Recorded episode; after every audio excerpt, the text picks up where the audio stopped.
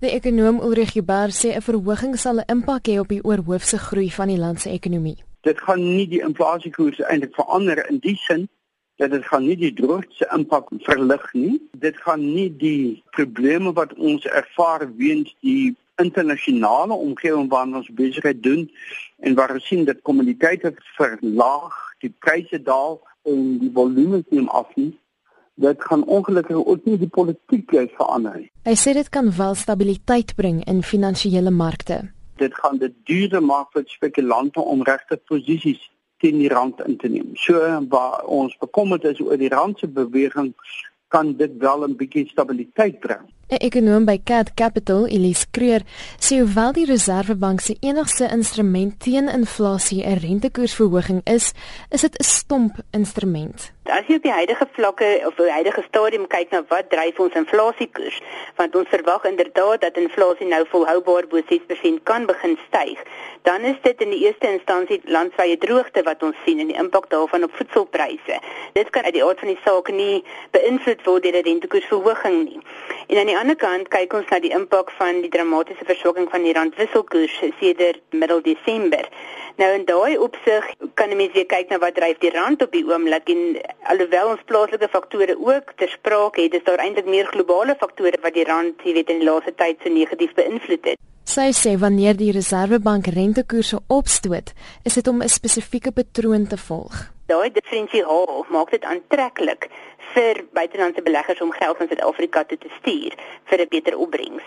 Nou alhoewel ons op huidige vlak sien dat met buitelandse beleggers nie hier wil wees nie, ehm um, is dit teoreties wie weet die impak van 'n rentekoersverhoging en hoe die Reservebank. Volgens Kreer is daar min voordeel in die korttermyn om die rentekoerse te verhoog korttermyn, jy weet, as ek sê ongelukkig gaan ons waarskynlik nie die randwisselkoers kan beïnvloed nie, waarskynlik niks kan doen aan voedselpryse nie. So inflasie gaan styg, jy weet, in alle waarskynlikheid uh, ongeag wat die Reservebank doen. Dis jy weet wil ek eintlik die hoop uitspreek dat hulle dalk net 'n 25 basispunt verhoging sal aankondig en nie 50 nie, want uh, die impak op ekonomie in die korttermyn gaan inderdaad negatief wees. Pieter Loupsher, 'n ekonom verbonde aan die Buro vir Ekonomiese Ondersoek aan die Universiteit Stellenbosch, sê repo koersverhoging is 'n goeie ding. Ek dink die belangrikste eh, funksie wat die Reservebank het, is om inflasieverwagtinge in toom te hou. En ek dink in die huidige konteks is 'n herstel in vertroue in makro-ekonomiese beleid in Suid-Afrika baie belangrik. Hy sê die impak van 'n verhoging op hierdie tydstip is tweeledig eerste plek kan dit vir die sakepubliek, eh, beleggers, vakbonde, almal wat geraak word deur rentekoerse en inflasie baie duidelik die sein stuur dat die Reservebank ernstig is om inflasieverwagtinge in toom te hou. Tweede rede vir my is ook dat dit vertroue by beleggers ten minste inboesem dat die Reservebank is heeltemal in beheer van beleid en hulle erns om inflasie in toom te hou.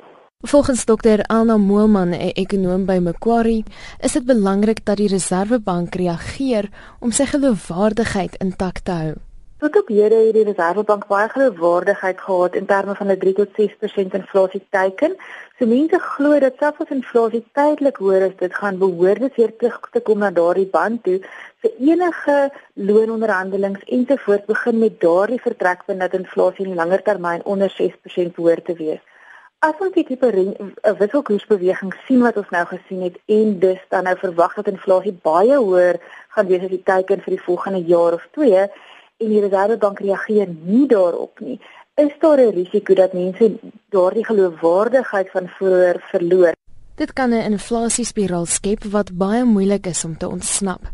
Sy sê oor die korttermyn is 'n verhoging sleg vir ekonomiese groei, maar dit moet teen langtermyngevolge opgemeet word. Die Reservebank moet dit opweeg. Hierdie korttermyn negatiewe impak wat hulle op die groeiprentjie sal hê teenoor 'n langer termyn moontlikheid van 'n inflasiespiraal wat moeilik is om weer onder beheer te bring en hulle moet in ag neem dat tipies hoë inflasie veral op die armer mense die grootste impak het. Intussen sê Dawie Rood, die hoofekonoom van die Efficient Groep, rentekoersverhogings het verskillende impakte op verskeie dele van die samelewing. As jy iemand is wat 'n klomp geld skuld, dan is dit sekerlik 'n slegte ding vir jou want dit beteken jy gaan nou meer rente moet betaal.